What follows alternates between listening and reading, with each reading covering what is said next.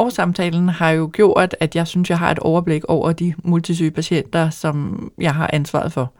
Og det giver mig en kæmpe tilfredsstillelse. 33 procent af den voksne befolkning i Danmark, altså over 16 år, er multisyge. Det vil sige, at de har over to kroniske diagnoser. Deres sygdom skal passes, og tendensen er, at det i langt højere grad bliver almen praksis.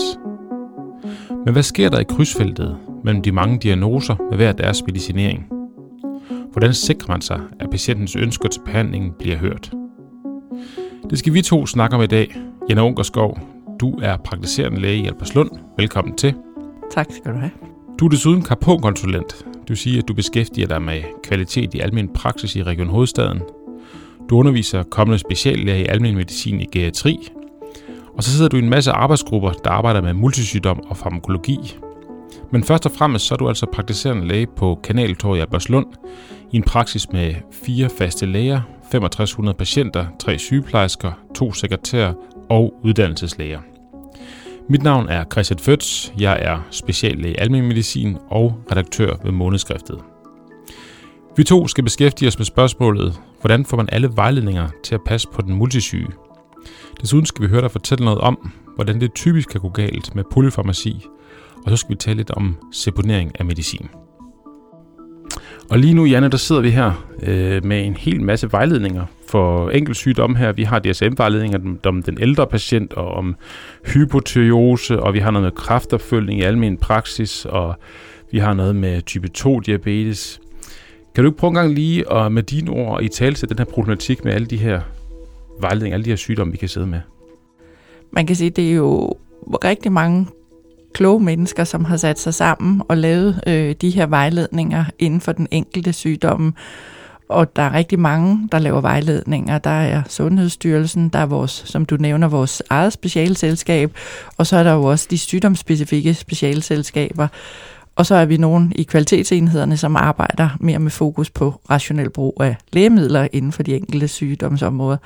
Så for det første kan det jo være rigtig svært for den enkelte praktiserende læge at finde ud af, hvad er det egentlig for en vejledning, jeg er forpligtet til at følge, øh, når man kigger på den enkelte sygdom.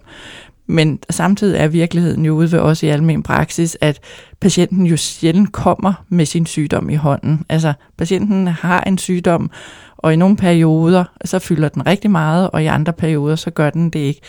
Så nogle gange, hvis vi får afgrænset det for snævert ved at sige, at i dag skal vi kun tale om diabetes, så misser vi måske det, som øh, fylder allermest for patienten lige nu, og hvor der egentlig er ro på, på øh, sukkersyn for den enkelte patient.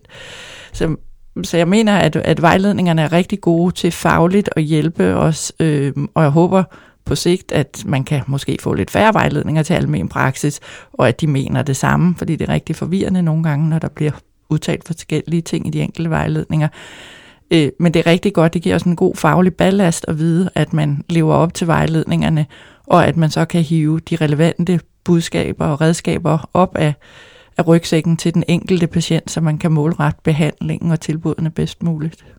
Så sent som i går havde jeg en 73-årig mand, som kommer en gang om året til sin diabetes årskontrol, som er fuldstændig velreguleret. Og da jeg spørger, hvordan det går, så siger han, det går faktisk ikke særlig godt. Min søn har i forgårs forsøgt at tage livet af sig selv, og ligger aktuelt øh, på psykiatrisk afdeling. Og så er der jo ingen grund til at lave diabetes årskontrol, fordi det, der fylder hos ham lige nu, det er jo hele familiesituationen, og hvordan takler man det. Så hvordan greb du den konsultation an? Jamen, så øh, siger jeg jo til ham, at der er ikke noget nyt på sukkersygeområdet, fordi han er mand, så han vil også gerne være sikker på, at tallene er i orden. Øhm, og han siger, at han tager også medicinen, som vi har aftalt sidste år, og så bliver vi enige om, at, at det skal han bare fortsætte med, og det han skal fokusere på nu, det er jo øh, at få familien helet igen og hjælpe sin søn bedst muligt.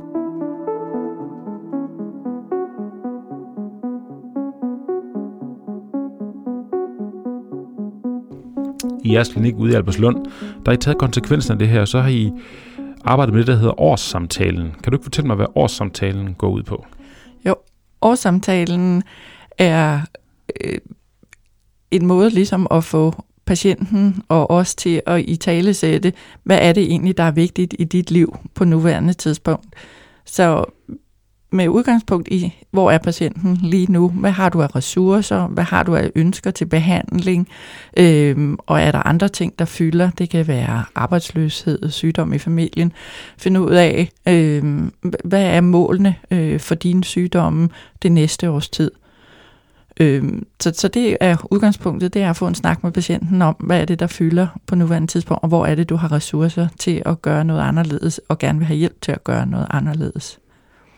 Og den anden del har så været også for os i klinikken at få i talsat, jamen hvad er det faktisk for nogle sygdomme, som vi skal have ansvaret for, øh, hvad er det for nogle lægemidler, som vi står for at udskrive, og passer de til de øh, diagnoser, som patienten har, øh, og så få det hele sat sammen i sådan en, en årsplan for, øh, hvor tit orker patienten at komme, øh, og, og hvad er det, vi skal fokusere på det kommende år. Hvad er tidsforbruget i sådan en, øh, i sådan en årssamtale her? Så vi har valgt at, at, øh, at sætte en halv time af, og det vil sige, at nogle patienter har man noget fint igennem, både årssamtalen og årsplanen, og andre, der har det været sådan et, et, et, et dokument, som vi så har pillet frem næste gang, de kom øh, og arbejdede videre med. Øh, men, men altså en halv time, ideelt en time, første gang, at man, man ligesom laver sådan en årssamtale med patienten. Og så de næste gange, så er der jo skrevet ind, vi skriver også de, de vigtigste prøvesvar ind, altså hvornår er der lavet en ekokardiografi, hvad var øh, ejection fraction i den, hvad var seneste FEV1, da de var til kold kontrol, og hvad var seneste øh, T-score i DEXA-scanningen, så man kan sige, at vi, vi opdaterer den sådan løbende, når de så har været til øh, enten kontrol hos sygeplejersken eller til DEXA-scanning, sådan så den hele tiden er opdateret og har de seneste værdier med sig.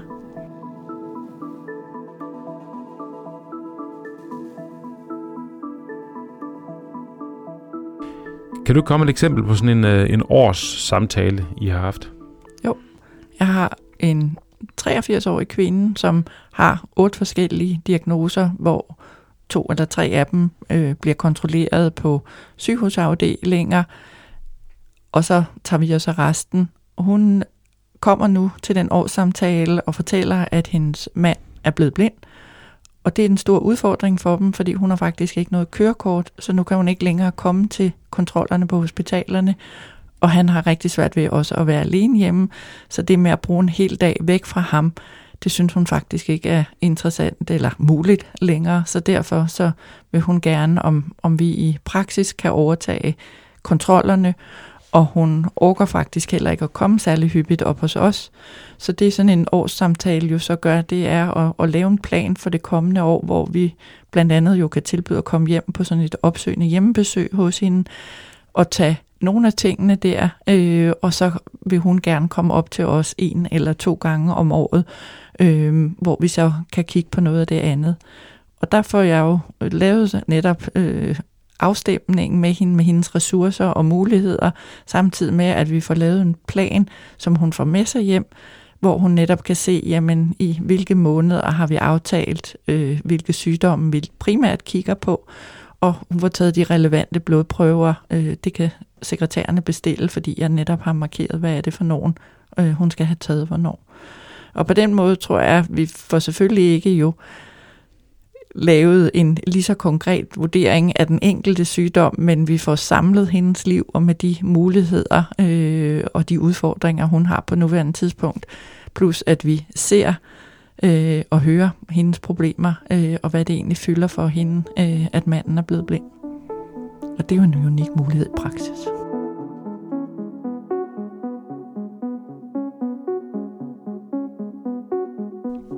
Sådan en års, øh, sådan en års samtale, det er sådan en samtale, man har hos en patient, som har mere end en diagnose. Så tager man ligesom et vy ud over, om jeg så må sige, diagnose, ikke bare diagnoselandskabet, men også livet i øvrigt.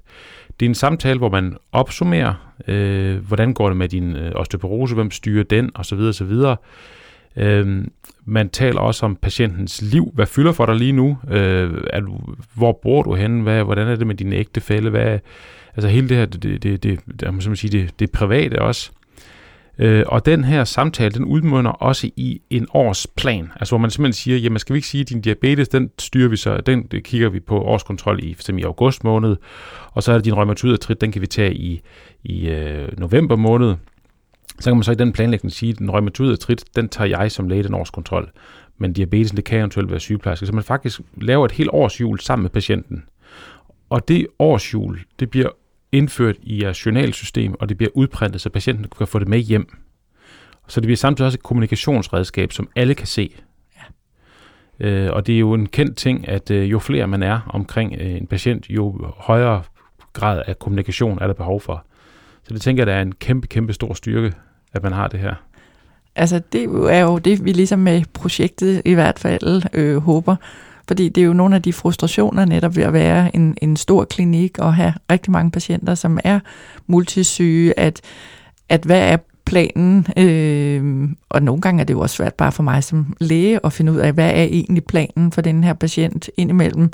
I, i det seneste år, hvor vi har lavet rigtig mange af de her årssamtaler, er det jo gået op for mig, at jeg har jo slet ikke fået bestilt den DEXA-scanning til osteoporosen, som jeg skulle have haft bestilt for to år siden, øh, eller at patienten faktisk øh, er overlever af en cancersygdom, som jeg måske indimellem skulle have lidt i baghovedet. Så man kan sige, det der med at have lejligheden til at sætte sig ned og, og, og, og at gennemgå, ja, i hvert fald det, der er sket inden for det seneste år, men, men især her i starten, hvor det jo selvfølgelig har taget længere tid netop at få et overblik over hele patientens øh, sygdomsliv, øh, og hvad er det, der, der stadig fylder noget, og hvad er det, der er rart at vide, men ikke noget, vi skal bruge tid på på nuværende tidspunkt.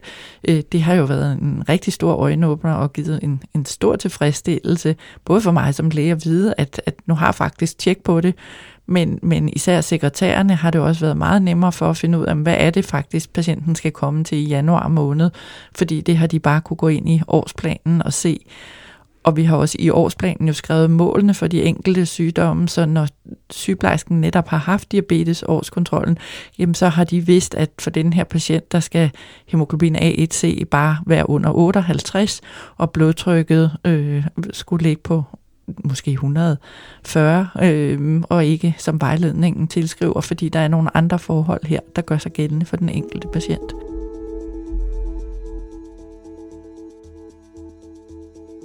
Den her årssamtale, den udmunder så i en, øh, en årsplan, som jeg ved er sådan en faneblad i jeres datasystem. Øh, og jeg ved, at I har fået jeres dataleverandør til at lave den faktisk gratis. Øh, kan du lige prøve at fortælle mig, hvad er der i sådan et, et faneblad, hvis nogen skulle være interesseret i at, at bruge jeres model? Ja. ja, vi har været så heldige, at vores øh, e IT-leverandør A-Data synes, det var en rigtig god idé. Øh, så vi har udviklet sådan en faktisk to sider, hvor den første jo rummer øh, diagnoserne, øh, medicinen, behandlingsmålen og hvem har behandlingsansvaret øh, sammen med netop patientens ressourcer. Og på side 2, der har vi så øh, selve sådan en kalendermodul, hvor vi har lavet sådan en... Øh, ja, en, række, en, en del linjer, hvor man kan sige, at det første, man vælger, det er, hvilken måned skal patienten komme i. Det næste, det er, hvad er det for en sygdom, vi skal kontrollere? Er det en årskontrol eller en almindelig kontrol? Og hvem er det, patienten skal komme hos, lægen eller sygeplejersken med navnsnævnelse? Og hvad er det for nogle øh, prøver, der skal ligge, øh, kommer så i den sidste kolonne. Øh, og der vælger vi jo så netop blodprøvepakker, øh, hjemmeblodtryk osv. Og så får man jo øh, øh, sådan et, en årsplan med sig hjem med angivelse af de måneder, hvor man skal komme til kontrol i klinikken.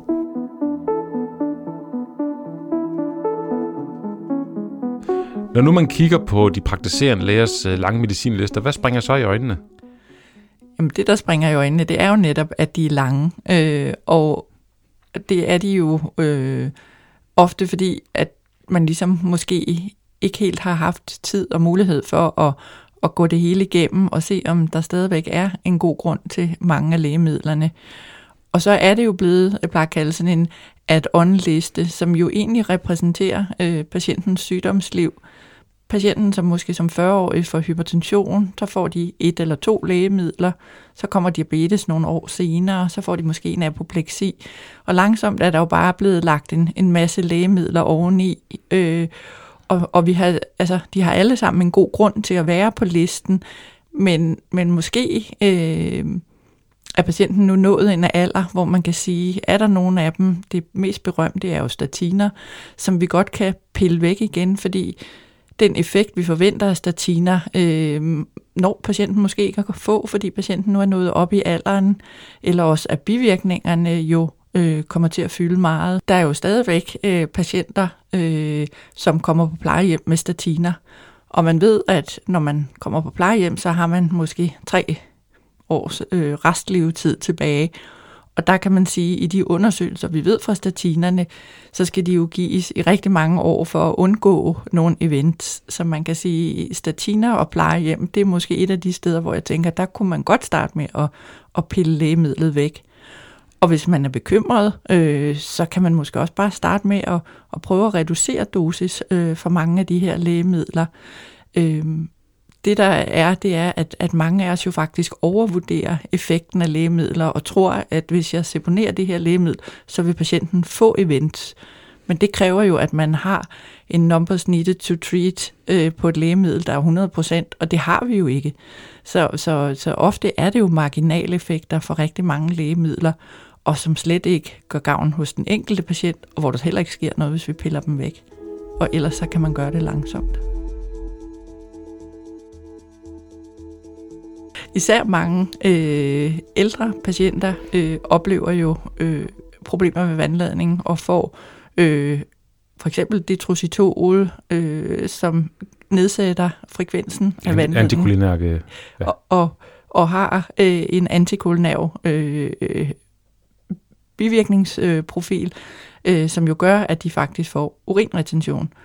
Og det kan så medføre, at de faktisk øh, får hyppigere blærebetændelser. Og så ser vi indimellem, at der så bliver lagt et forebyggende øh, antibiotika oveni til blærebetændelser, uden at man egentlig har vurderet, hvor meget effekt fik de af detrositol. Undersøgelser viser, at man måske tisser en halv gang mindre hver anden dag, og står det mål med de hyppige urinvejsinfektioner, og det, at man så måske skal have et forebyggende middel for disse. Det er nogle af de spørgsmål, man kan stille sig selv, når man sidder og gennemgår en medicinliste hos mange af de ældre. Jeg havde en patient på plejehjem, hvor der jo ikke er forventet restlevetid mere end en tre år. Og da han havde været der et par år og stort set var sengeliggende, så blev jeg enig med hans børn om, at nu pillede vi stort set alle lægemidler fra, fraset insulin, men vi lagde hans blodsukker væsentligt højere. Og det var i februar måned, og vi var enige om, at han havde nok ikke mere end et par uger tilbage at leve i. Og da vi nåede til juli måned, der skrev sønnen, at nu havde de været i Tivoli med deres far og drikke en fadøl. Det havde de ikke gjort i flere år, og han nåede faktisk at leve halvanden år mere. Så, og det er jo sådan noget, der gør, at jeg netop tænker... Er det på grund af bivirkninger til medicin, ja, så han har haft det var det der? simpelthen. Ja. Og der ja. var jo et stort load af blandt andet antikolinære lægemidler. Han fik massive mængder smertestillende, øh, og, og så fik han en masse vanddrivende, så hver gang han rejste op, så blev han dårlig. Så, så man kan sige, det har i hvert fald givet mig sådan lidt mod til at sige, jamen i sådan en ældre mands krop, øh, hvad er det egentlig for en kemi, Øh, og er det faktisk det, der gjorde, at han lå i sengen øh, og, og egentlig ikke havde noget specielt godt liv til sidst. Det vi lidt er inde på i vores snak her, det er omkring de barriere, vi kan have for at seponere. Kan du prøve at uddybe, øh, hvad for nogle barriere du ser, vi sidder med? Altså, der er jo en lang række øh, barriere, øh, og, og noget af det er jo netop det der, at jeg er dygtig nok til det her øh, som praktiserende læge. Øh, og det bliver vi jo ofte holdt op på, både af os selv, men også af patienterne, som har fået at vide, at for eksempel en kardiolog, at det her givende lægemiddel, det skal du have til den dag, du dør. Så skal jeg være meget robust som praktiserende læge for at komme og sige, jamen nu er der ikke længere en god grund til, øh, til det her lægemiddel. Øh, og der kommer vi jo ind på igen en barriere, som er den der vurderet restlevetid. Altså hvor længe tror jeg, at den patient, der sidder overfor, egentlig lever. Er det tre år? Er det fem år? Er det ti år? Og, og i min optik, hvis man tænker, at det, er tre til fem år, så, så er der en lang række lægemidler, som man godt kan begynde at pille væk, øh, som patienten ikke får gavn af, men vil få bivirkninger af. Så, og så kan man sige, noget af det er jo også, at, at det tager tid. Øhm, og vi har ikke rigtig tiden til at have et samlet overblik øh, over hele patienten. Ja, vi tager os tid og laver ja, årssamtalen. ja, lige ja. præcis. Så kommer vi jo tilbage til årssamtalen, hvor vi jo netop fik knyttet de enkelte lægemidler på den enkelte diagnose. Øhm, og ved at gøre det, så havde vi lige pludselig nogle lægemidler, hvor der ikke rigtig var en tydelig øh, indikation for os længere. Og det er jo nogle af dem, der er allernemmest at begynde at pille væk, fordi hvis ikke der er en god indikation nu, hvor patienten er blevet 75-80 år, jamen så er det jo bare at prøve at, at enten trappe det ud, eller også få det seponeret, fordi ellers så vil de jo få bivirkningerne af det. Og så kan man sige, så er vi jo også sådan som læger, vi vil helst have succeser. Øh, og, og mange af os tænker, at hvis jeg seponerer et lægemiddel, øh, og patienten så kommer og siger, at det går slet ikke, eller øh, blodtrykket stiger voldsomt, eller hvis de nu får den blodprop, så tænker vi jo, det var fordi jeg pillede det lægemiddel væk. Og igen overvurderer vi jo voldsomt effekten af det givende lægemiddel, for faktum er jo, at selvom vi behandler med blodfortyndende midler, så får patienterne jo blodpropper. Så, men vi vender den jo ind af og siger, at det var mig, der gjorde noget galt, og vi kan jo også opleve et pres fra, fra både de pårørende og kollegaer, som siger, jamen det var også bare fordi, du skulle pille ved det lægemiddel. Fordi der er jo ingen af os, der ønsker at gøre skade. Vi vil jo helst gøre mest muligt gavn. Og nogle gange så i den fejlagtige opfattelse af, at hvis jeg lader medicinlisten være, så gør jeg mere gavn end skade. Men faktum er jo, at det især mange af de ældre multisyge slås med, det er jo et overload af bivirkninger og interaktioner, som faktisk gør mere skade end gavn. Så hvis jeg gerne vil, øh, vil øve mig på det her, så kunne det være smart lige at starte med et lægemiddel eller to lægemidler, eller hvad man... Ja, det tænker jeg.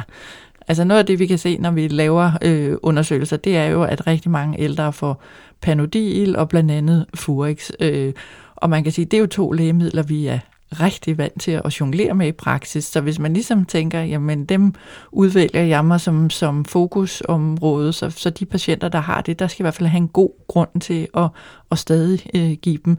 Så kan man jo starte der. Øh, og så kan man sige, så er der jo lavet den, der hedder seponeringslisten øh, inden fra Sundhedsstyrelsen, som jo er en, en liste over øh, en slags tjekliste, hvor man kan, kan se, jamen hvis jeg har nogle lægemidler, der, der står på den liste, så er der nogle gode fif til, hvordan kunne man seponere, eller hvad er det for nogle tanker, man kan overveje. Og det er faktisk vist, at hvis man bruger det lidt som et screeningsværktøj, jamen så kan man faktisk godt selv begynde at, at arbejde lidt med de der lange medicinlister. Så seponeringslisten, den går ud fra, den kan man google og finde? Det kan man, og ja. alle læger har fået den tilsendt med ja. ugeskriftet. Ja. ja, det har de. Ja. Men det er jo igen det problem, vi har. Ja. Vi, vi drukner jo lidt i de ting, vi får tilsendt, ja. og, øh, øh, og ja, og, skal man skal finde relevansen af det også. Ikke? Ja. ja. Janne, lad det her være de afsluttende ord. Tak til dig for at komme og fortælle lidt om dit arbejde med multisyge patienter. Selv tak. Og hvis man som lytter synes, at det lyder vældig interessant at bo i Region Hovedstaden, så ved jeg, at du blandt andet kommer ud i 12 og fortæller om dit arbejde. Ha' en rigtig god dag. Tak skal du have.